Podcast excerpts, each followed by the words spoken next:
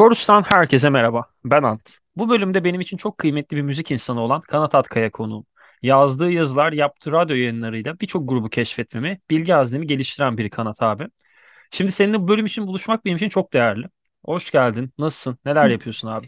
Çok iyiyim. Benim için de öyle sevgili Ant. Biz seninle bir plakçının e, sevgili küçük plak dükkanının önünde tanışmıştık. Çok tatlı bir müzik sohbeti yapmıştık. Ondan sonra bu, bu noktaya geldik. Ben de senin olduğum için çok mutluyum. Çok teşekkürler abi. Zaten o gün o sohbette ben ilk başlarda biraz daha çekingen bir insanımdır. Hani zaten az buçuk bir 7-8 ay geçti. Sen de biraz anlamışsındır şeyimi, üslubumu.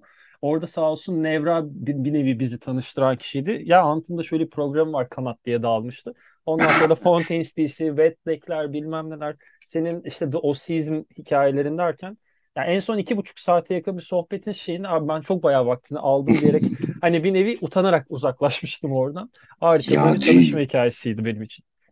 Dünyadaki en güzel, en sevdiğimiz yerler bizim açımızdan plak dükkanları. O bu yüzden sadece plak bulduğumuz için değil, müzik konuşacağımız insanları da orada buluyoruz. Kesinlikle aynı fikirdeyim ki benim, benim için de çok kafa açıcı güzel bir sohbet benim için de o günün bir, seninle tanışmanın yanında bir diğer anlamında ben de plak toplama konusuna o gün başladım. İlk plağımı o gün almıştım ve geriye kalan geri, aradan geçen yaklaşık 8 ayda 21 plağa ulaştım. Şimdilik Aa, biraz süper. frene bastım. Çünkü ülkemiz ve ekonomimiz benim de hani maaşım belli kazancım belli diyerek frenledim ama. Ben seni o gün uyarmıştım diye hatırlıyorum. Ama o gün hatırlarsan ben de sana şunu söylemiştim. Abi hani e, o parayı sadece o gün için değil ileride de e, iyi ki harcadım diyeceğim noktalarda harcamak istiyorum demiştim.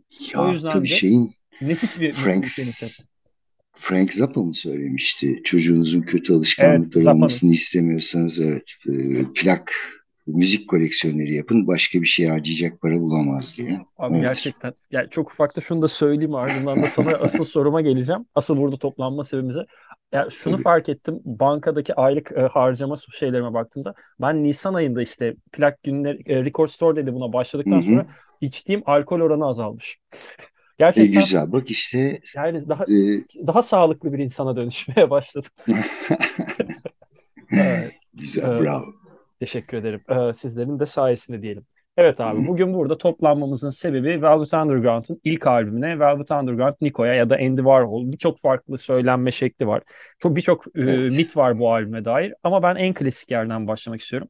Kanat Atkaya Velvet Underground'ın bu albümüyle nasıl tanıştı? Plak, kaset gibi bir format mıydı misal? Bir de senin üstündeki etkisi nasıl oldu da tahminen kaç sene, 30-40 sene sonra bugün burada bunu konuşacağımız noktaya taşıdı? Senin cümlelerini dinlemek isterim. İlk edindiğim format kasetti. O dönemki çoğu albüm gibi yani bahsettiğim dönem 80'ler. Ben ergen birisi olarak böyle Ortaköy'de veya Taksim'de e, daha önceden kaydedilmiş kasetler satan abiler vardı. Onlara gidip işte oradan öğrendiğimiz, duyduğumuz, aradığımız. Tabii bu arada Narmanlıhan'da Deniz'in dükkanı biraz daha sonra geliyor benim için. Bir şeyler, yeni bir şeyler veya aradığım her yerde olan şeylerin dışında bir şey dinlemek istediğimde başvurduğum yerler olarak ama ilk aldığım klasik o dönemin işte özenli bir siyah kalemle kenara yazılmış bir derlemeydi. Yani bu albümü değil ama bir Velvet Underground derlemesi yapıldığında da bu albüm ağırlık noktasını teşkil ediyor bir şekilde. İlk e, Eroin'i dinlemiştim. Bana çok ilginç gelmişti. Böyle bir daha önce atıyorum Eric Clapton'ın Cocaine'i falan dinlemiştim ama böyle bir uyuşturucu maddeyle ilgili bir şarkı yazılması birazcık böyle e, gizli ve tehlikeli bir yerlere giriyorum. Biraz depresif bir yerlere giriyorum. Müzik benim o zamanlar o yaşlarımda dinlediğim müziklere göre elbette biraz zorlayıcıydı. E, işte Sunday Morning falan çok güzel eyvallah da işte Venus and Furs'u falan dinlediğinde veya Run Run Run dinlediğinde All Tomorrow's Party'si dinlediğinde böyle bir daha farklı bir şey dinlediğim hissine kapıldığımı hatırlıyorum. Bugün geri döndüğümde. Şimdi bu bazı albümleri özellikle hayatımızda işte iz bırakmış albümleri vesaire e, son böyle bir yıldır, bir buçuk yıldır biraz daha vaktim oldu. Biraz da bu Gülşah'la yaptığımız e, Jack Talks için tekrar e, arşiv okumaları, müzik okumaları yaptığında bazı albümleri veya genel olarak yaptığım müzik okumalarını daha farklı bir yerlere oturtabiliyorum. İşte coğrafya ne kadar etkili olmuş, dönem e, etrafta gelişen sosyal tarihi olaylar ne kadar etki etmiş. O dönem çıkan diğer albümler. İşte o dönemin prodüksiyon kalitesi neymiş, bunlar ne yapmaya kalkmış filan falan derken başka yerlerden bakabiliyorsun. Ama en özünde bütün her şeyi çıktığında yine baktığında farklılaştıran şey bu albümü. Bütün müzik tarihinden ve bu kadar önemli kılan o güne kadar yapılmamış bir şey olması. Tarz olarak pek örneği görülmemiş bir şey. Peki bu önceden duymadığın ya da önceden yapılmamış hissini sen de bu hissi nasıl tetikledi peki abi? Biraz onu öğrenmek isterim. Hani bu bahsettiğin noktalar haricinde. Şimdi şöyle bu albüm e, ile ilgili benim okuduğum en güzel cümlelerden biri e, kim Chris Smith galiba yazmıştı tam e, bütün zamanların ilerisinde diye. Hani bazı albümler için şey denir ya zamanın ilerisinde bir çalışma. Kendi dönemin ilerisinde bu tür albümler var müzik tarihinde. Fakat e, The Velvet Underground'dan Nico bu ilk Velvet albümü diyelim. E, bütün zamanların ilerisinde. Çünkü e, şimdi birazcık oralara döneriz. Bu müziği yapan adamlar başka bir yerden bakıyorlar hadiseye. Yani tuhaf bir kimya oluşuyor. E, zamanın şartları, bu insanların bagajlarında getirdikleri travmalar, ayrıksı karakterleri, e, topluma nereden baktıkları, nereden beslendikleri, müziği nasıl gördükleri. Yani bunların içinde işte John Cale gibi çok daha başka bir yerden müzikal olarak gelen biri var. Demin bir şey söylemiştim ya bu coğrafya morafya hikayesi müzikle ilgili biraz daha kafamı kurcalıyor diye. Yani bunların e, bu albümün New York'ta çıkması yani New York'ta şekillenmesi. Bazı kayıtlar Kaliforniya'da yapılmıştır ama oraya geliriz. Velvet Underground ve Kaliforniya nasıl bir karşıtlık oluşturuyor. Orada birazdan Nikon'un ön plana çıktığı bir kısım. Kaliforniya'nın Velvet Underground'ın kariyerindeki varlığı. Yani aslında orada tabii daha Warhol'la beraberler. Kaliforniya'ya gittiklerinde daha ilk albüm çıkmamış. E, Kaliforniya'da hatta bir iki parçayı sonra kaydediyorlar. Bir New York'ta yaptıkları bir 6-7 şarkılık bir kayıt var. Bazılarını yeniden kaydediyorlar vesaire ama Kaliforniya'da başka bir durum var. Yani bunların karşı oldukları her şeyin de merkezi gibi Kaliforniya. Yani New York ve Kaliforniya'daki insanlar bunlar ilk skalasının iki ucu ikisi. Tamamen hayır her açıdan dünyaya bakış açısından mesela bunlar hippilerden nefret ediyorlar ama işte 65-66 ilk şekillendiği hani e, albümün çıkması 67'de Velvet Underground'ın şekillendiği 64'ten hatta 63'ten de alabilirsin. Bu dönemde oluşan işte o tarafta Kaliforniya tarafında yani West Coast'ta bir şey oluşuyor. Böyle bir e, işte The Birds, Mamas and Papas, biraz psychedelic kültür, biraz çiçek çocuklar filan o San Francisco, Kaliforniya hattında daha başka çiçekli giyiniyorlar filan falan. Bunlarsa daha karanlık. İşte ilk Kaliforniya gittiklerinde havuz başında hepsi simsiyah oturuyorlar. Uzaylı gelmiş gibi bakıyor buna şeylerde. Kaliforniyalılar hiç sevilmiyorlar. Bunlar da orayı sevmiyor. Onlar da bunları sevmiyor. Böyle bir aralarında bir kavga mavga da oluyor ama esas hikaye bunların hani New York'ta çıkabilmesinin sebebi şöyle gelelim. Şimdi New York tarihsel yapısı itibariyle tabii liman şehri vesaire zart zurt e, trafiğin yoğun olduğu, eğlence hayatının her zaman merkezde olduğu öyle veya böyle. İşte tiyatro da orada, e, müzik. Avantgard'dan ana akıma birçok şey New York'ta dönüyor. Tabii bir de tabii İkinci Dünya Savaşı sırasında, e, öncesinde yani Nazi iktidarı sırasında vesaire Avrupa'dan büyük bir göç oluyor başka büyük şehirlere. Bunların içinde en popülerden biri de New York. E, Avrupa'dan çok değerli bir sanatçı kargosu alıyor gibi düşün New York'u.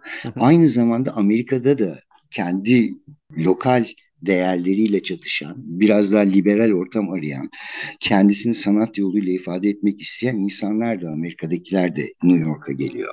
Yani işte bunun örneği Andy Warhol da New York'lu değil o Pittsburgh'ten geliyor bildiğim kadarıyla. İşte Bob Dylan, Duluth, Minnesota gibi maden kasabası gibi bir yerden geliyor ama o dönem bir canlı e, kültür sanat ortamı var. 60'lara e, geldiğimizde 50'lerde 60'larda ve deneysel bir takım hikayeler yapılıyor. Bu edebiyatta da böyle, sahne sanatlarında da böyle. İşte multimedya uygulamaları. Sinema çok önemli. Mesela Velvet Underground'un esas oradaki e, hikayeyi toparlayan, New York'taki bu kendisini daha farklı şekillerde ifade etmek isteyen sanatçı grubunu etrafında toparlayan aktivite tarzı aslında sinema. Bağımsız filmler çekiliyor, deneysel filmler çekiliyor, sert filmler çekiliyor vesaire. Bunlarla sanatçılar uğraşıyor. Yani sinemayı çok kuvvetli bir medyum olarak görüyorlar ve bunu kullanmak istiyorlar ifade, Burada da... ifade etmek için. Yani modern ve e, kullanılabilir, evrilebilir, çevrilebilir, deneyselliğe açık bir şey olarak görüyor. Müzik de bunun mütemmim cüzü, tamamlayıcı ögesi gibi girmeye başlıyor zaten. Yani müzisyenlerin de, edebiyatçıların da çekildiği ama merkezinde aslında biraz sinemanın durduğu veya e, plastik sanatların diyelim hani resim vesairenin durduğu bir ekip beraber takılmaya başlıyor. Aynı çevre birbirini tanıyan insanlar gibi bir durum oluşuyor. Burada bu arada hani sinemadan bahsettiğimizde Andy Warhol'da bu özellikle avantgard veya da diğer tabirle bağımsız sahnede e, kendi kendine o Çekoslovak bir ailenin Pittsburgh'a göçünden doğan bir adam olarak New York'a geçiyor ve New York'ta kendi çevresini oluşturuyor ve ona da Factory deniyor. Ve o Factory'de zaten e, Özellikle yanlış hatırlamıyorsam Black Angels Dead Song dönemleri hani bu ilk 1965'lerde A.I. Arnowitz'in e, özellikle çalmayın arkadaşlar bakın kovulacağız kafe bizar hikayeleri.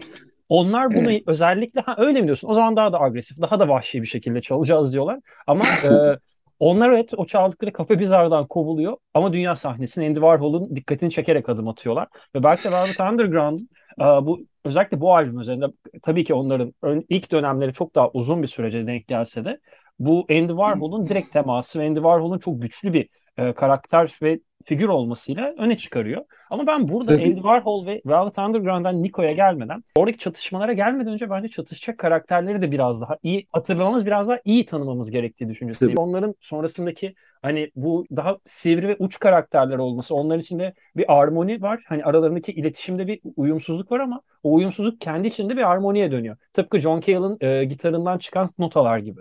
Hani bilmem senin için uygun mudur o sulara biraz daha girmek? Olur tabii bak. Şimdi Lou Reed biliyorsun Syracuse'de şey okuyor. E, e, İngiliz edebiyatı. Edebiyat bilen bir çocuk olarak geliyor. Çocukken yaşadığı travma da şu aslında bir orta sınıf aile. Çocuğu bu ablası psikiyatristtir. Bu vaziyeti açıkladı. Bu şok tedavisi bugün görüldüğü gibi bir şey değil o yıllarda falan getiriyor. Hani e, siz bizim neyle uğraştığımızı biliyor musunuz? Birazcık uyumsuz bir çocuk Lou Reed.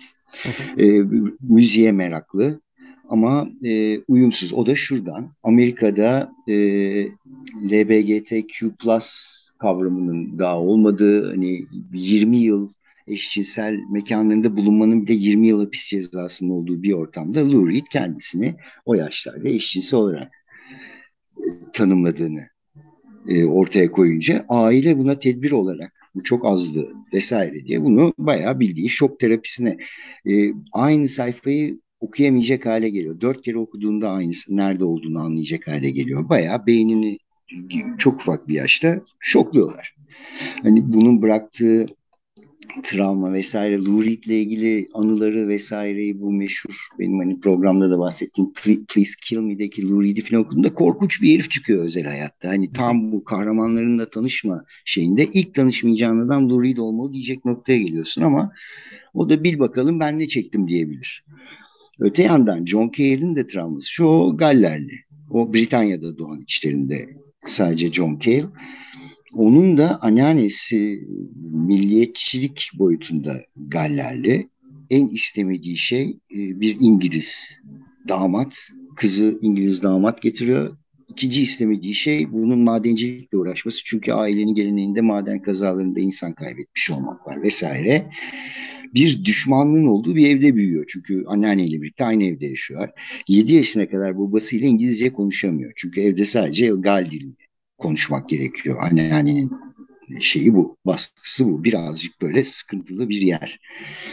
Ee, kendisine o da müzikle bir çıkış yolu buluyor. Tabii bu hani başka gruplarda da gördüğümüz bir şey. Toplumun sana biçtiği, e, belli yollar var. Onun dışına çıkman çok zor. Yani işte Britanya'da, kuzeyde bir yerde ufak bir şehirde doğduysan ya işçi olacaksın ya ufak bürokrat olacaksın veya işte e, bir yerde bir işe gireceksin. Hani sınıfsal olarak yükselmene pek imkan sağlamıyor oradaki hayat tarzı. Sanat, müzik ben de yaparım duygusunu getiriyor rock and roll tabii. Bunların ufaklık çağları hepsinin bu kuşağın rock and roll dinleyerek geçiyor. İyi R&B ve rock and roll dinleyerek. Reed'in yanlış hatırlıyorsam lütfen düzelt abi. Bir, hayatım önce tek bir tane gitar kursun, der, gitar dersine gidiyor ki zaten grupta da kötü gitar çaldığı sürekli anılarında falan bahsedilir. Orada ilk gitar evet. dersinde hocasına Elvis Presley'nin Blue, Blue Suite, e, Suite Shoes şarkısını çalması öğretmesini istiyor. Yani Gerçekten rock and roll bir çocuk ve rock and roll'u hayatına almış ve e, zaten ilerleyen özellikle bu albüm ve sonrasında çok daha net göreceğimiz hayattaki tek gayesi rock and roll ve e, rockstar olmak çevresindeki herkes de onun için bir araç. Yani insan evet. değer vermiyor hatta insan kavramına bile değer vermeyecek kadar işi e, üst seviyeye taşıyan bir tırnak içinde ruh hastası noktaya da geldiği oluyor. hani tırnak içinde vereyim de linçlenmeyelim. Evet. Yok hayır, bu ama ilk döneminde de sınırlı kalmıyor. Yani biliyorsun 90'larda bunlar ya. buluştuklarında da bir süre sonra bu ben yalnız gideceğim nereye çalıyorsak grup beraber gel. Hani Lou Reed'in eşlikçileri gibi davranıyor. Bunlar ayrı mevzular. Biz hani Albümde kalma özürüm dağıttım pardon. Yok hayır hayır estağfurullah. Ee, John Cale Britanya'da müzik eğitimi gördükten sonra daha merak etti. Ciddi müzik, ciddi müzik dedi işte minimal müzik daha devrimci, daha avantgard şeylere meraklı John Cale. New York'a geliyor. Orada Lamont Young önemli biri. Onun çevresine giriyor. Onun bir Dream Syndicate diye bir şey var. Böyle droning, drone ne diyeyim sen mesela tek repetitif notalar aynı şeyi uzun uzun biraz şamanik ayinler gibi. Zaten aralarında bu o yıllarda buralara gelen, Türkiye'ye vesaireye gelen bu ıı, Mevlana kültüründen yok derviş kültüründen etkilenen evleri kilimler, şu beat kuşağında da görürsün o hı hı. hikayeyi. Farklı bir oryantalizm yaklaşımıdır ama neticede buralara gelmişler, buralardan bir şeyler taşıyorlar kendilerince. Neyse bunlar bu bahsettiğim birbiriyle temaslı veya hani sen onu tanımıyorsun da o onu tanıyor gibi bir çevre içinde kaçınılmaz olarak bir şekilde. Ha Lou Reed bu arada e, üniversiteyi Syracuse'u bitirdikten sonra e, Pickwick'te çalışmaya başlıyor. Pickwick'te nasıl diyeyim sana?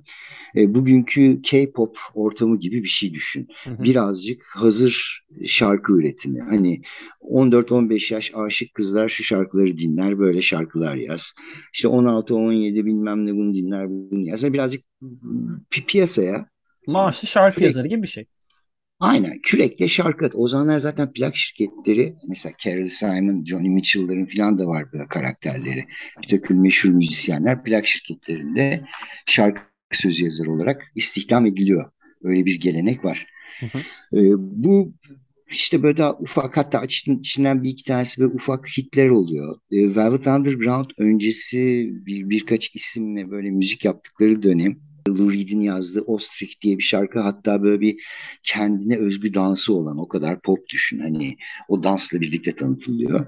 Şarkılar filan da yapıyor ama diğer ortamda ilk John Cale ile e, Lou Reed'in tanıştıkları ortamda o sıralar eroini filan yazmış mesela öyle diyor John Cale. Lou Reed yazmıştı şarkıyı e, tek bir gitarla söylüyor. Folk nefret ettiği bir şey John Cale'in. Yani rock and roll'a ilgi duyuyor ama folk müzik böyle çok aynı bu hippilere yaklaşımları gibi çok şey görüyorlar, küçük görüyorlar yani. Mesela John Baez gibi diye diyerek suçluyor. Ama sonra John Cale senin yayınından öğrendiğim kadarıyla abi hani ben ayrıldıktan sonra bu da iyice John Baez'ini çıkardı içindeki gibi eleştirileri oluyor Lurie'de. Şey diyor işte tekrar John Baez oldu diyor. Ben tanıştığımda John Baez gibi şarkı söylüyordu demeye getiriyor herif aslında. Bizim Aynen bulunduğumuz öyle. ortamda bu akustik gitarla çıktı bir şeyler söyledi. Ama diyor şarkıları şarkıyı sürekli gösteriyor Lou Reed buna. Çünkü bunu fark ediyor. Bu daha değişik bir adam, akıllı bir adam. Biraz avantgard bir şeyler yapmak gerek. Çünkü şarkı sözleri yapıları itibariyle alışılmış, klasik program girişinde de bahsettiğimiz e, böyle hayat çiçek bayram gel ele, ele tutuşalım aşkımız sonsuz olsun filan gibi şeyler yazmıyor. Daha karanlık bir yerden yazıyor. Onu da etkileyen bir takım edebiyatçılar var ve o edebiyatçılarda gördüğü şeyi müziğe ben bunu müzikle nasıl ifade ederim sorusu var şeyin kafasında. Lou Reed'in kafasında. Hı hı. Elbette rock and roll yıldızı olmak istiyor. Ama buna bir avantgard köşe bulmaya çalıştığında da John Cale aranan ilaç. İlk başta Mo Tucker'la Sterling Morrison yok. Sterling Morrison sonra geliyor. Mo Tucker ilk davulcuları siz sattınız abi ticari iş yapıyorsunuz diye daha yani bir şey kaydetmeden neredeyse bunlar basıyor gidiyor. Ufak bir kayıtları var sonradan bulunan. Hani böyle bir ortamdan bahsediyorum. Herkes çok son derece artistik, işin artistik boyutu, popüler boyutundan veya ticari boyutundan çok önde bir ortamın içinden buraya yürüyorlar. İlk çaldıkları bir tane Kafe Bizar var. Kafe Bizar bu şey benim az önce bahsettiğim bu zaten o Andy Warhol'la tanışmasına ha. oraya Aynen. doğru giden yolculuk zaten orası. Bu, ama Kafe Bizar şöyle bir yer. Beyoğlu'nda, Sultanahmet civarında filan olurdu. Turistleri düşürüp kafalamak için pavyonumsu yerler vardır ya. Hı hı. Böyle ekstra fiyat çekersin her şeye. içki satılır. Aynen. Tam turist çarpmaya yönelik mekanlardan biri. Bu arada tabii New York'un bu yıllarda 60'larda, 70'lerde de öyle. Hatta 80'lerde bu Netflix'te bir seri cinayetlerle ilgili bir şeydi. O dönemi güzel anlatıyor nasıl bir yerdi New York o yıllarda. Hem herkesin eğlenmeye hem içinde bastırdığı e, yasak duyguları diyeyim ne diyeyim. Karanlık tarafını ortaya çıkardı. Karanlık taraflarını özgürce salabildiği yerler. Yani mesela işte demin bahsettik ya bir eşcinsel barında bulunmak bile 20 yıl hapis e, gerektiren bir ortamda. New York buna daha rahat ortam sağlayan bir yer. Sadomaso bunlar var toplumda. Bir yerde aslında yani Lou Reed, Velvet Underground alıyor ve toplumun bu e, New York'a boşalttığı çöpünü geri, gerisin geri toplumun üstüne boşaltıyor diye de bakabiliriz. Buradan da istersen Hı. girizgahımızı da detaylı bir şekilde senin çok teşekkür ederim. Buradan da istersen yavaş yavaş albümün varlığına geçelim derim. Hani kayıt süreciyle tamam. birlikte. Albümde benim şöyle dikkatimi çekti. Çünkü ben bu bilgiye hakim değildim. Galiba sizin yayında öğrendim. Andy Warhol'u ben yıllarca bu albümün prodüktörü sandım. Ee, o hatayı düşenler. Ama aslında albümün prodüktörlüğünü yapmamış. Yani orada isminin varlığını hatta bu Frank Zappa'nın albümü çıkıyor hatırlarsın sen de.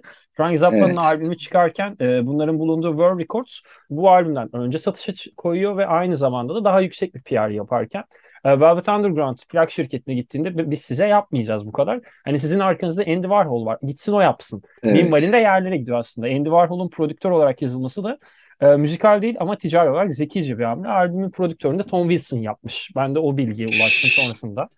Evet o da Bob Dylan'larla falan çalışmış. Deneyimli bir prodüktör. En azından işin stüdyo kısmını buluyor, biliyor. Aynen. Şimdi bu e, bütün grupların, tarihteki bütün büyük grupların vesaire ilk albüme girdiklerinde genelde stüdyodan bir şey anlamadıkları dönemdir. Kayıt teknolojilerini bilmezler vesaire ve orada da bir hani bu düşün Joy Division da bunu yaşamıştır ilk albümünde.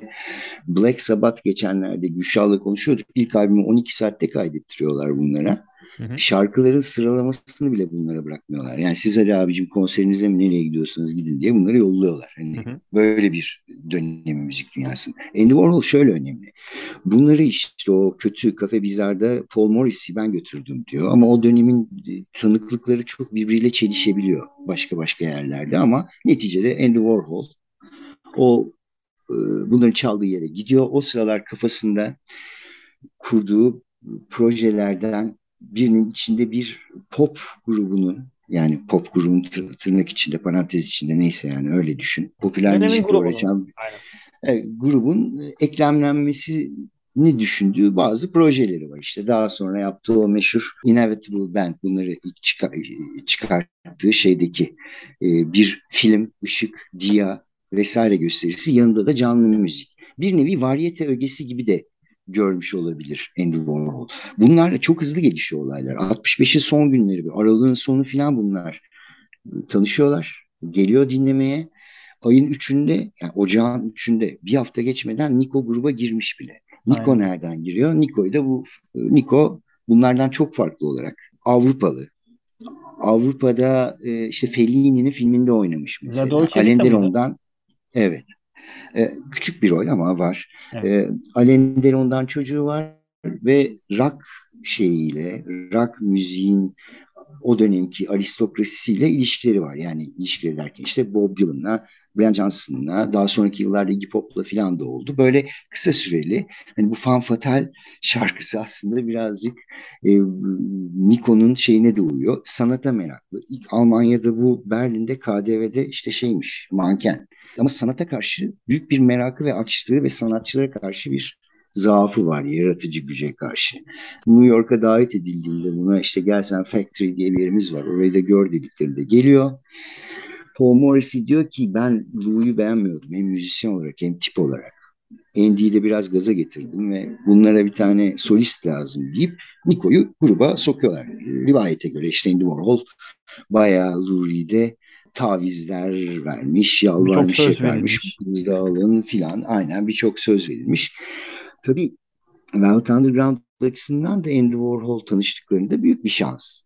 Çünkü o yıllarda daha yeni ilk büyük müze sergisi yapılmış. Andy Warhol popüler. Yani tanınan bir sanatçı Amerika'da ve tam böyle yeni tanım, tanınmış, patlamış. Biliyor insanlar onun kim olduğunu. Ayrıştırmış kendisini diğer sanatçılardan vesaire de en azından şöhret babında. Böyle birinin ilgi gösterecek olması, menajerlik yapacak olması. ilk şeyi menajerlik ama biz bugünkü şeyle ona süpervizörlük mi dersin ne dersin? Grubun arkasındaki en gibi biri. Aynen birazcık bunları böyle benim daha iyi çocuklarım gelin ben size albüm de yaparım turne de yaparım vesaire de yaparım gibi. Hakikaten de öyle gelişiyor olay. Albüm kaydını falan e, her fakat şeyi şimdi, ediyor yanlış bilmiyorsam. Her, her şey. Yani bir her... evet. Evet önce onlara bir işte bu Polski Dom var. Orada bir ay çıkıyorlar. Albümün kaydı sürekli e, gecikiyor. Bunlar 65 sonunda tanışıyorlar. 66 başında Niko ekleniyor diyelim Ocak ayında. 67 Mart'ta çıkıyor. Gecikmesinin çeşitli sebepleri var. Hani Lurid diyor ki bir bu arka kapakta resmi gözüken adamın Yasal para istemesi. Süreç. Aynen. O plak şirketi o parayı vermek yerine onu oradan bugünkü tabirle airbrush etmeyi tercih ediyor. O da bir masraf. Bu arada e, bu soyulabilir kapak e, Andy Warhol'un uygulaması baskı tekniklerini çok uzattığı için de gecikiyor biraz. Hı hı. Ayrı bir proses gerekiyor onu yapabilmek için o soyulabilir kapak için. Bu arada senin demin söylediğin gibi e, plak şirketi Frank Zappa'yı öne itiyor. Hatta o yüzden hiç hoşlanmazlar birbirlerinden.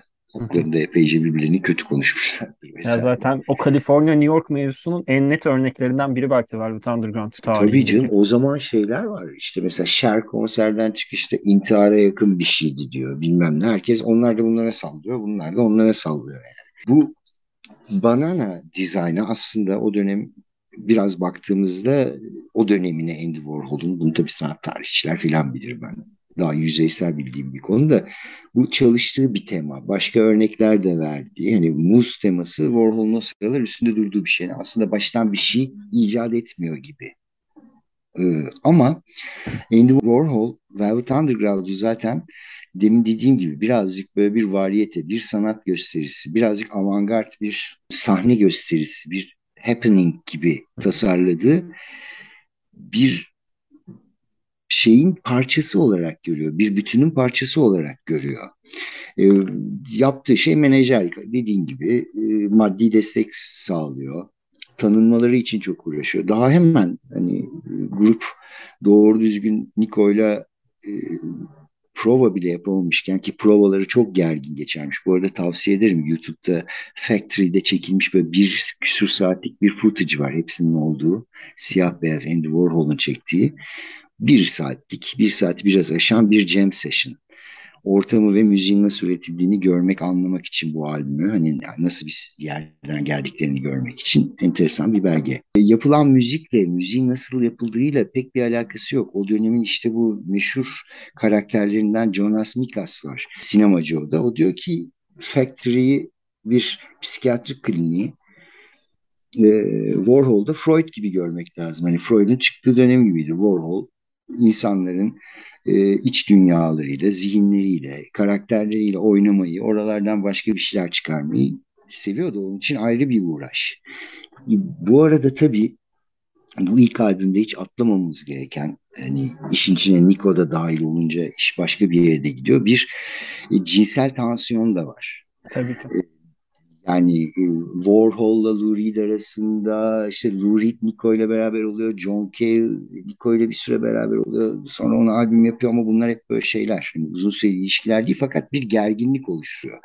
Nico bayağı beğeniyor Lou Reed'i okuduğumuz kadarıyla ama bana kötü davranıyor diyor. Hoş aynı şeyi Iggy Pop için de söylüyor. Iggy Pop'la da bir üç ay gidiyor onların o meşhur Funhouse'da yaşıyor.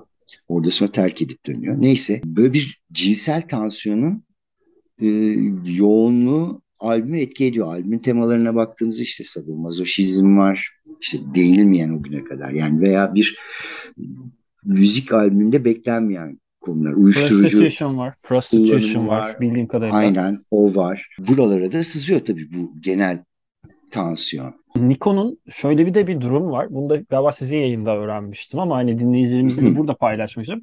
Niko hani o Avrupalılık ve Avrupalılığın dışında aslında Macar kökenli bir aile, bir Alman aileden geldiği için hani iyice bu e, özellikle Nazi dönemine çok direkt maruz kalan ebeveynlerden geliyor. O şeye hakim. O karamsarlığa, o soğukluğa, bir nevi soğuk nevale bir kadın. Ama çok kırıcı bir kadın. Hani. Sesi, sesi ne kadar sesi ne kadar dikkat çekiciyse ve ne kadar o Chelsea Girl albümü de bence bu yılın 1967'nin en e, üst düzey işlerinden biri. Zaten bu albümden çok kısa bir süre sonra vesaire. Hatta John Cale o, onu da yanlış var. hatırlıyorsam lütfen düzelt abi. John Cale o albümün prodüktörüydü diye aklımda kaldı ama ee, yanlış hatırlıyor olabilirim. Prodüktör mü ondan emin değilim ama Produ- şey var. Yani, e, bir besteleri var Lou Reed'le ortak. Var dört, dört, dört şarkıları var onların yani, orada çalıyorlardı. Velhasıl şunu söylemek istiyordum biraz daha. Belki oradan sen devam etmek istersin. O kadar sert bir kadın ki hani Luri'de direkt hani ben söylemek istemiyorum şimdi. Direkt hay- hayattan bezdirecek cümleler. John Cale'a, efendim söyleyeyim Andy Warhol'la da çatışıyor.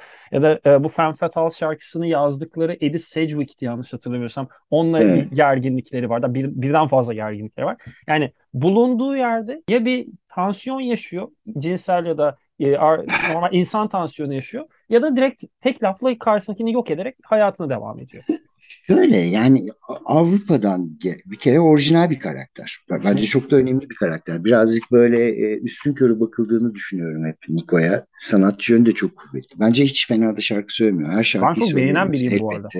Tabii.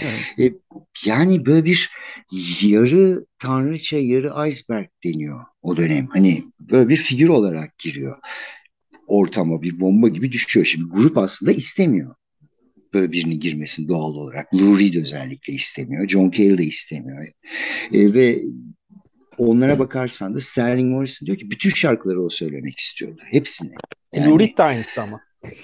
İşte I'm Waiting for the Man de o söylemek istiyordu. Ama ya bu şarkılar Lou Reed'in şarkısı. Gelip Nico söylesin diye yazılmamış tamam mı? Oralarda yani Sunday Morning'i sonra plak şirketi de ısrar etti diye yazıyor. Ama sonra da onu kendi söylüyor. Neyse yani neticede e, işte Warhol'un en sevdiği şarkı da bu arada geçen işte bu Gülşah'la konuştuğumuz programı All Tomorrow Parties miydi? All Tomorrow's Parties'miş evet.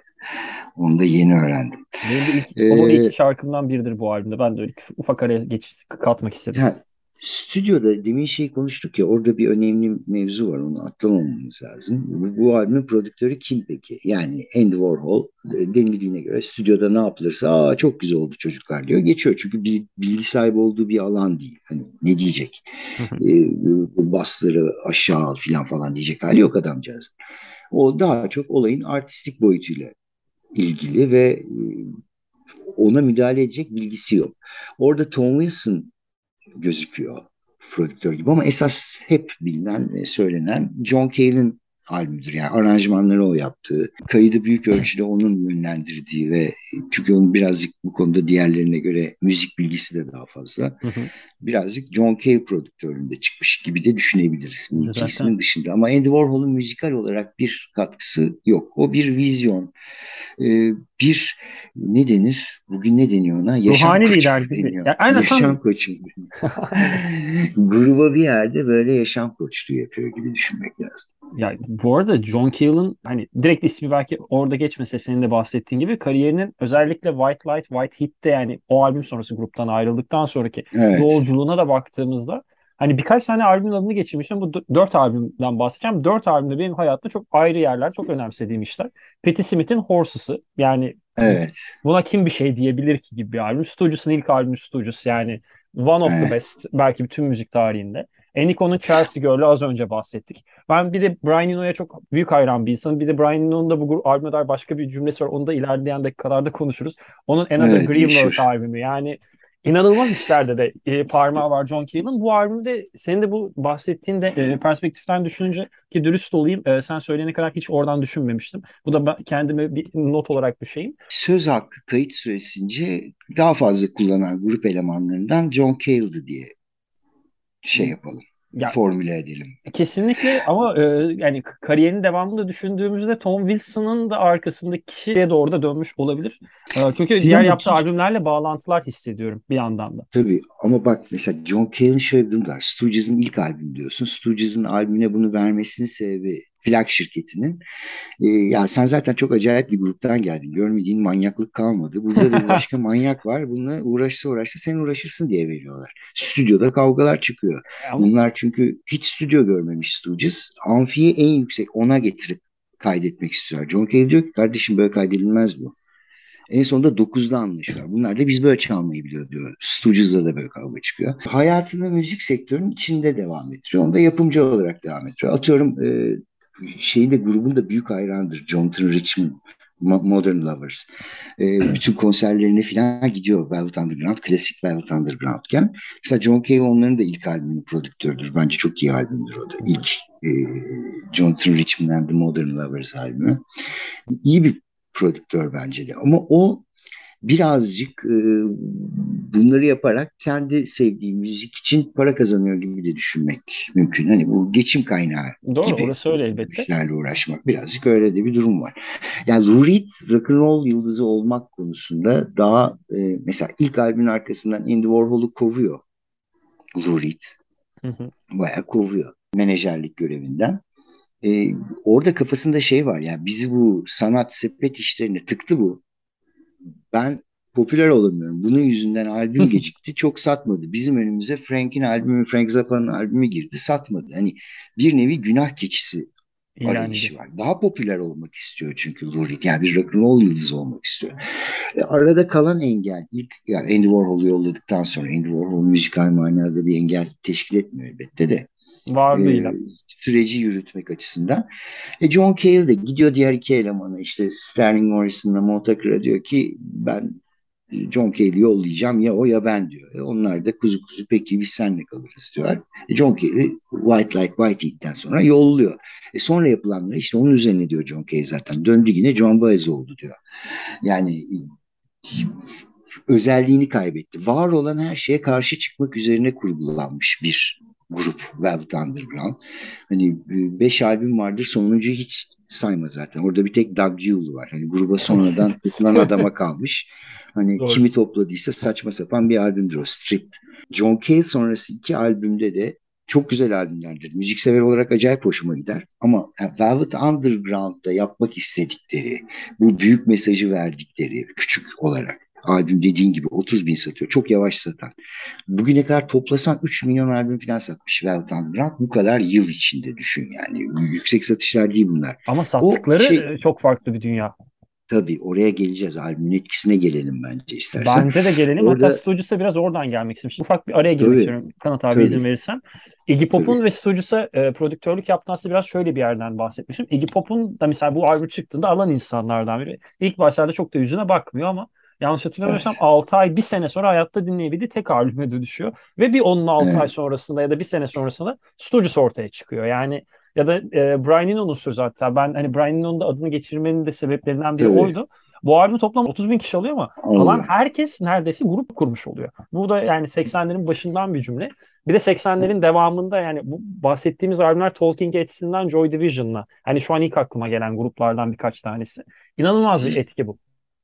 Tabii şimdi punk dediğimiz şey New York punk'ının temel taşı bu albümdür. Alternatif müziğin temel taşı bu albümdür. Ne açıdan? Yani bir sana gösterilen piyasanın sana dayattığı, plak şirketlerinin dayattığı, kitlelerin dayattığı, popüler olanla şekillenmiş piyasanın dayattığı şeyin aksi yolda gidebilirsin. Bu cesareti göstermek önemli. Şimdi sen demin Lou Reed çok iyi bir müzisyen, gitarist değil dedin. Doğru. Ee, ama o da yapabilir. Stooges'da da hikaye bu sonraki do it yourself kültürünün gelişmesinde de hikaye bu. İlla o tertemiz bilmem nenize değil. Biz sizi rahatsız edebilecek sesleri de koyarak, sizi rahatsız edebilecek sözleri de söyleyerek size bir hikaye anlatıyoruz kardeşim. Bu kapıyı açması yani bir nevi bu e, Stranger Things'deki iki ayrı dünya var ya. Hı hı. Bu alttaki öteki dünyadan gelen ilk ses Velvet Underground gibi düşünebilirsin. Öncesinde tabii şeyler var. bu garaj rock grupları, proto punk dediğimiz 60'larda 70'lerde daha ufak kalmış bazı gruplar vesairelerin deneysel işleri var. Ama e, Velvet Underground'un bunu bir e, söz ve soundla bütünleştirerek bir şeye çevirmesi, bu tehlikeli suları herkesin önüne böyle zart diye açması falan çok önemli. Sonraki kuşakları çok etkiliyor. Yani e, atıyorum benim Londra'da en sevdiğim plakçının adı Sister Ray'dir. Adını Velvet Underground şarkısından alan grup kaç tanedir bilmiyorum ama Doğru. pek çoktur yani. E, hayranlarını senin demin dediğin gibi hani bu müzikle uğraşıp alternatif kanallardan giden bizim sevdiğimiz sevmediğimiz öyle bakmayalım.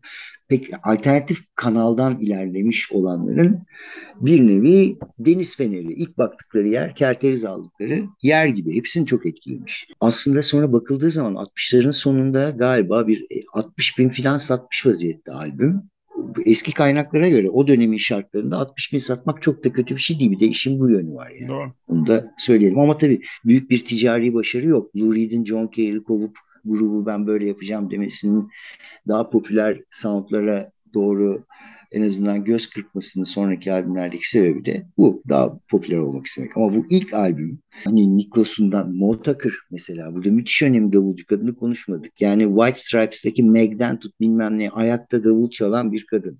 Ya onun bir de zil kullanmama alışkanlığı inanılmaz. Zil pek yani. sevmiyor. Yani kullanıyor o, elbette ama, ama tercih etmiyor, etmiyor gibi söyleyeyim.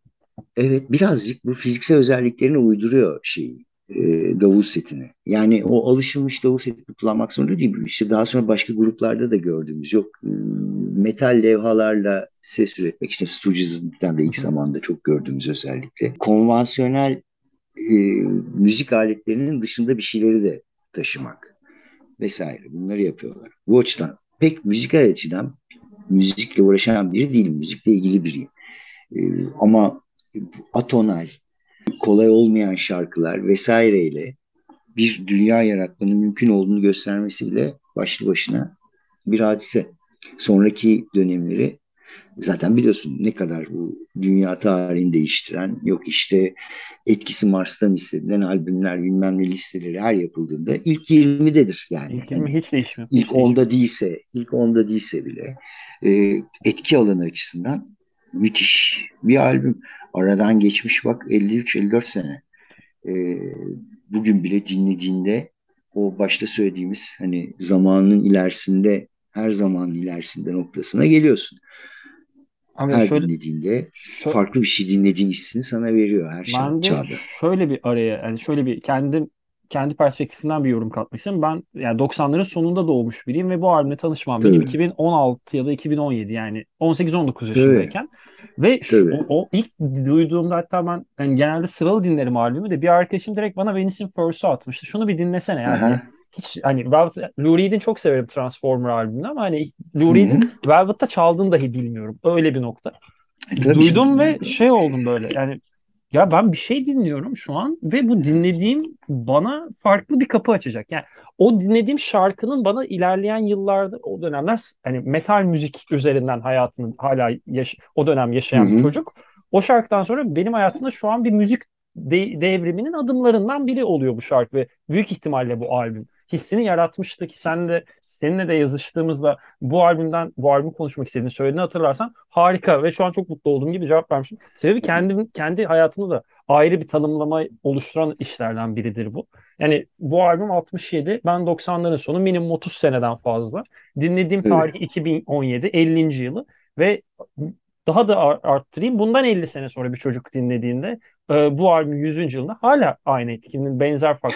Aynı olsa çok benzer etkileri hissedecek. Çünkü o yüzden ya, zamana karşı koyuyor.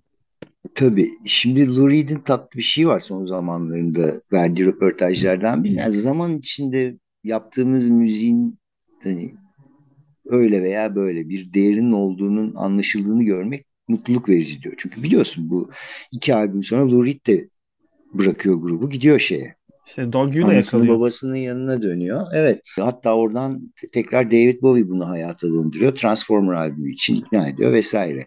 Ee, bunu büyük bir başarısızlık olarak görüyor. Yani o dönem bu albüm çıktığında review bile edilmiyor. Yani e, doğru düzgün Rolling Stone dergisinde filan bu albümle ilgili şey çıkmıyor. Doğru. Mesela. Bir, eleştiri çıkan Ya eleştirilerin çoğu biraz da şöyle bir- çoğu biraz albümü e, yok saymak üzerinden yani şu an çok kullanılan bir tabir olan bir cancel'lama e, üzerinden ele alınıyor bu albüm e, bahsettiğim noktalar var. sebebiyle. E, çünkü müzik dünyası da hele o dönem muhafazakar bir dünya. Mesela Andy Warhol'un e, bir ortaya attığı tipler diye bakıyorlar. Ciddiye almama eğilimi yüksek. Bunlar işte New Yorklu bir grup ukala dümbeleyi sanatçı sanatçı bir şeyler yapıyorlar filan gibi. Hani son derece lümpen bir noktadan bir bakış var genel olarak medyada. Medyada o zaman çok belirleyici. Sosyal medyanın falan olmadığı bir çağdan bahsediyoruz. Yani bir yerde çıkan bir kritik, bir gazetedeki bir haberin falan çok radyoda çalınmak, radyoda çalınmıyorlar. Ya bu şarkıları nasıl çalsınlar? Ya albümün ilk o bir sekiz parçayı falan kaydettiklerinde Ahmet Ertegün'e gidiyorlar. Atlantik'e. Ertegün diyor ki uyuşturucudan bahseden şarkı varsa ben bu albümü yapmam. E, Elektra'ya gidiyorlar. Elektra diyor ki viola varsa ben istemem içinde. Hani tepkiler bunlar. Yani çok sığ ve Bu çok noktalardan tek red diyorlar.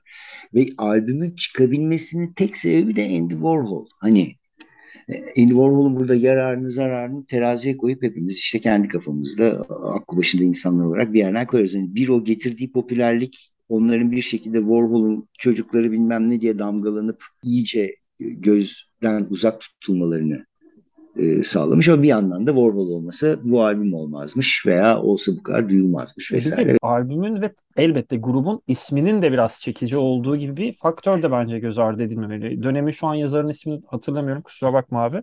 Ee, çok önemli bir under zaten underground kelimesi çok satıyor. Hani bizim misal 2017 18'lerde synth pop dark wave ismini kim duysa hemen dinler gibi bir dönemdi ya. Yakın zamanda ben en azından ona yetişebildiğim için onu örnek evet. verebiliyorum.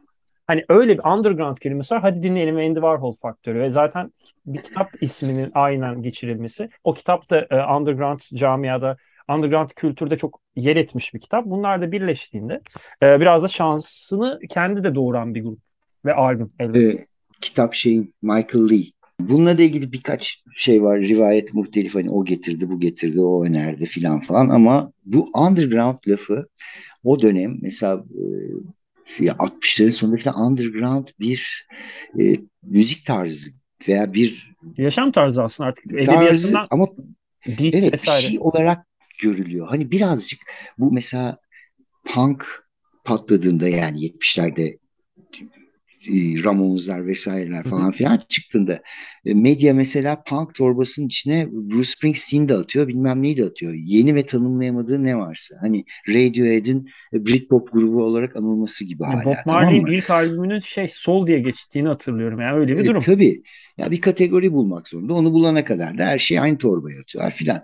E, ama Velvet Underground her açıdan ayrışan. Yani radyo çalmıyor işte. Bu çok önemli tamam mı? E, sakıncalı bulunuyor. E, bundan bahseden şarkıları ve bu veya bu uzunlukta veya bu sound'daki parçaları e, çalmıyor radyolar. Hoşlanmıyorlar Velvet Underground'dan açıkçası. Ve bunun da cezasını bu demin de bahsettik Stooges'la Iggy Pop'un çok güzel benzetmesi vardır. Aslında o birazcık daha Velvet Underground'a uyuyor. Iggy Pop diyor ki Stooges'ın ilk konserlerindeki hava diyor biz çalarken Hristiyanlığın ilk dönemleri gibiydi. Yani ilk inanan Hristiyanlar genelde e, işte hastalıklı olduğu için itilmiş, kakılmış, uzak bırakılmış. Ötekiler ezin... oradaydı. Ötekiler evet. Aynen. O birazcık daha böyle e, Velvet Underground'a daha uyan bir hadise. Harika. Peki e, şunu sorayım abi bir de hani kapatmadan önce az kapamaya az kalmışken albümden hmm. özellikle ismini geçirmek istediğin şarkılar var mı ya da senin için bu albümde hani bu, hani he, albüm komple okey ama bu da farklı bir yerde tanımlanıyor ben benim için tanımlanıyor gibi dediğim bir şarkı var mıdır? Yani özellikle hani A yüzü B yüzünde tabii işte hani Heroin var, There She Goes Again var filan falan işte bu kovulmalarına yol açan Black Angels That Song Benim en sevdiğim şarkıdır.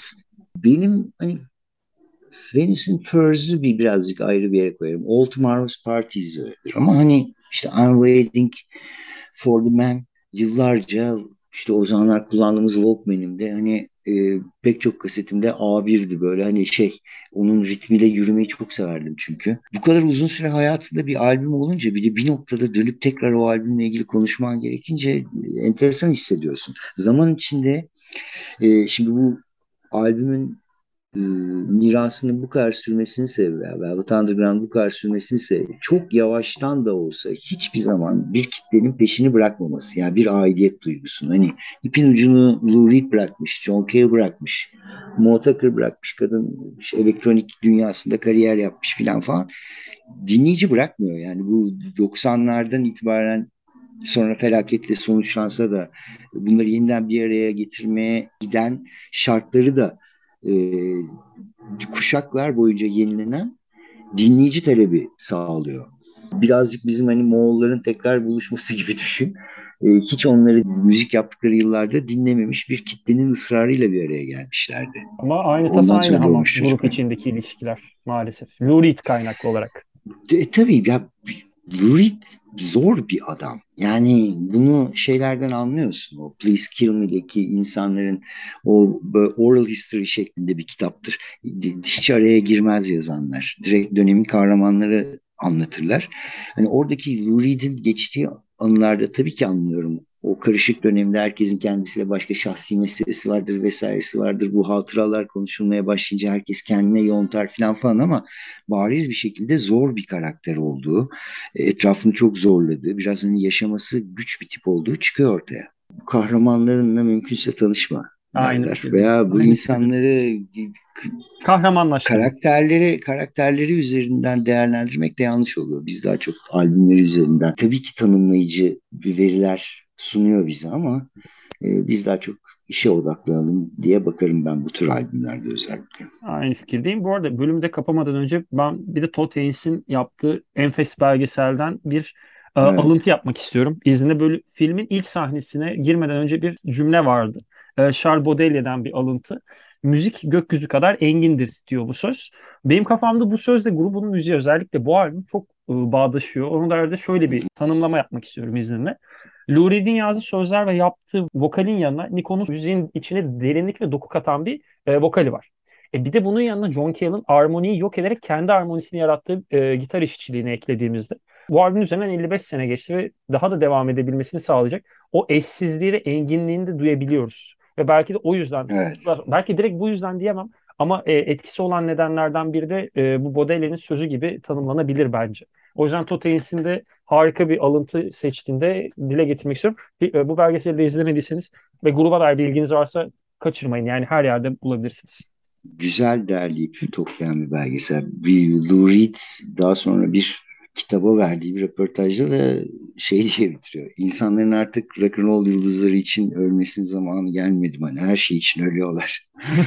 rock'n'roll yıldızları için de ölmeleri gereken bir dünya. Biz çok acayip değerler sunduk insanlara diyor. İlla insanlar tutup kendini rock'n'roll için öldürsün diye söylemiyorum ama kendi içinde başka bir açı sunan bir laf. Hoşuma gitmişti. Ya, belki o, öldürmekten kastı fiziksel bir yerden değil, içinde farklı bir karakteri öldürüp belki asıl muhakkak olması gerektirecek canım, karakter. Tabii ki. Ya benim için çünkü tabii kendi açımdan söyleyeyim o rock'n'roll ve müzik denen engin olgu benim karakterimde, ya kişiliğimde bir şeyi öldürüp yeni bir kişinin doğmasını sağlamıştı. İşte o sayede sizlerle sohbet edebilir hale geldik diyelim. E, o yüzden de Nuri Yıldız'ın de bu edebi varlığı da çok ayrı. Bu arada heroinden bahsetmiştik e, bölümün en başında. Heroini yazdığı yaşı 18 ya. Ya 18 Hı, yaşında böyle evet. bir şarkı yazabilmek, bunları bu tanımlamaları düşünebilmek bir de e, yani wow, hakikaten wow. Tanımlayamıyorum bazen şarkı sözü yazarlığını. E, John Cale'ın etkisinden zaten bahsettik. Ve Kanat Atkaya çok teşekkür ederim sana. E, eklemek ben istediklerim varsa lütfen devam et. Böldüysem de. E, yo estağfurullah harikaydı. Bu şeyi hatırladım. Hani demin bir e, jam session'ları var demiştim. E, ee, YouTube'da da bulunabiliyor diye. İz, evet izleyip dinlemek isteyenler olursa A Symphony of Sound diye bulabilirler. Ben bölümü yayınlandığı ee, gün Twitter'da e, zaten senin de etiketlediğin paylaşımın hemen altına Flute'da görebilirsiniz o linki. Ama bak sonra kapımıza dayanmasınlar abi siz bize ne yaptınız bu ne diye. Abi, söyleyeyim. Abi senin değil benim kapıma dayansınlar. Çok inançlı, çok inançlı e, müzikseverler başlasınlar bu maceraya. Abi şöyle yani bu konuda dinleyicilerime gerçekten teşekkür ederim. Hakikaten nerd bir ve gerçekten müziği müzik olduğu için dinleyen kitleye sahip olduğumu fark ettim. Gelen geri dönüşlerden e, istisnasıza yakın herkesin bunu dinlemekten mutlu olacağını tahmin ediyorum. Öyle bir yerden dinleyicimiz dinleyiciye de bir paye vermek istedim. Ve e, asıl payeyi de sana veriyorum abi gerçekten. E, yani Oh. tanı- seninle tanışmak zaten ilk başta o Evralar'da büyük keyifken seninle bu albümü konuşmak da ayrı bir mutluluk oldu. Çok teşekkür ederim geldiğin için. Ya, harikasın. Ben teşekkür ederim ya. Ee, Ant görüşürüz o zaman. Bir sonraki konser karşılaşmamıza kadar diyorum sana. Ben kayıt bittikten sonra bir sorarım abi yakınlarda gelmeyi düşüncen olan konser var mı diye de onunla gelmeden şu- kapatayım. Sen Tamam. ya da söyle ya da söyle Var. dinleyicimizle de Yo, paylaşalım. şimdi Yakalasınlar. Lalalar, aynen Lalalar var. Bir tane Babylon'da şimdi. Bir de Palmiyeleri geçen ay Blind'da dinledim. Doyamadım. Ben onları pandemiden önce en son dinlemiştim düşün. Onunla gideceğim. Ben Yakın de şöyle en- söyleyeyim abi sana. İKSV'de Can Güngör konseri var. Ee, yani biz bu bölümü yayınladığımızda konser gerçekleşmiş olacak. Yarın yani Cuma Hı. günü. Belki yolun düşerse ben de ona gitmeyi planlıyorum. Belki bir öncesine konuşuruz. Sizlere de bizi dinlediğiniz için teşekkür ederiz e, sevgili dinleyenler. Korus yeni bölümlerde yeni albümler ve konuklarla devam edecek. Kendinize iyi bakın. Hoşçakalın.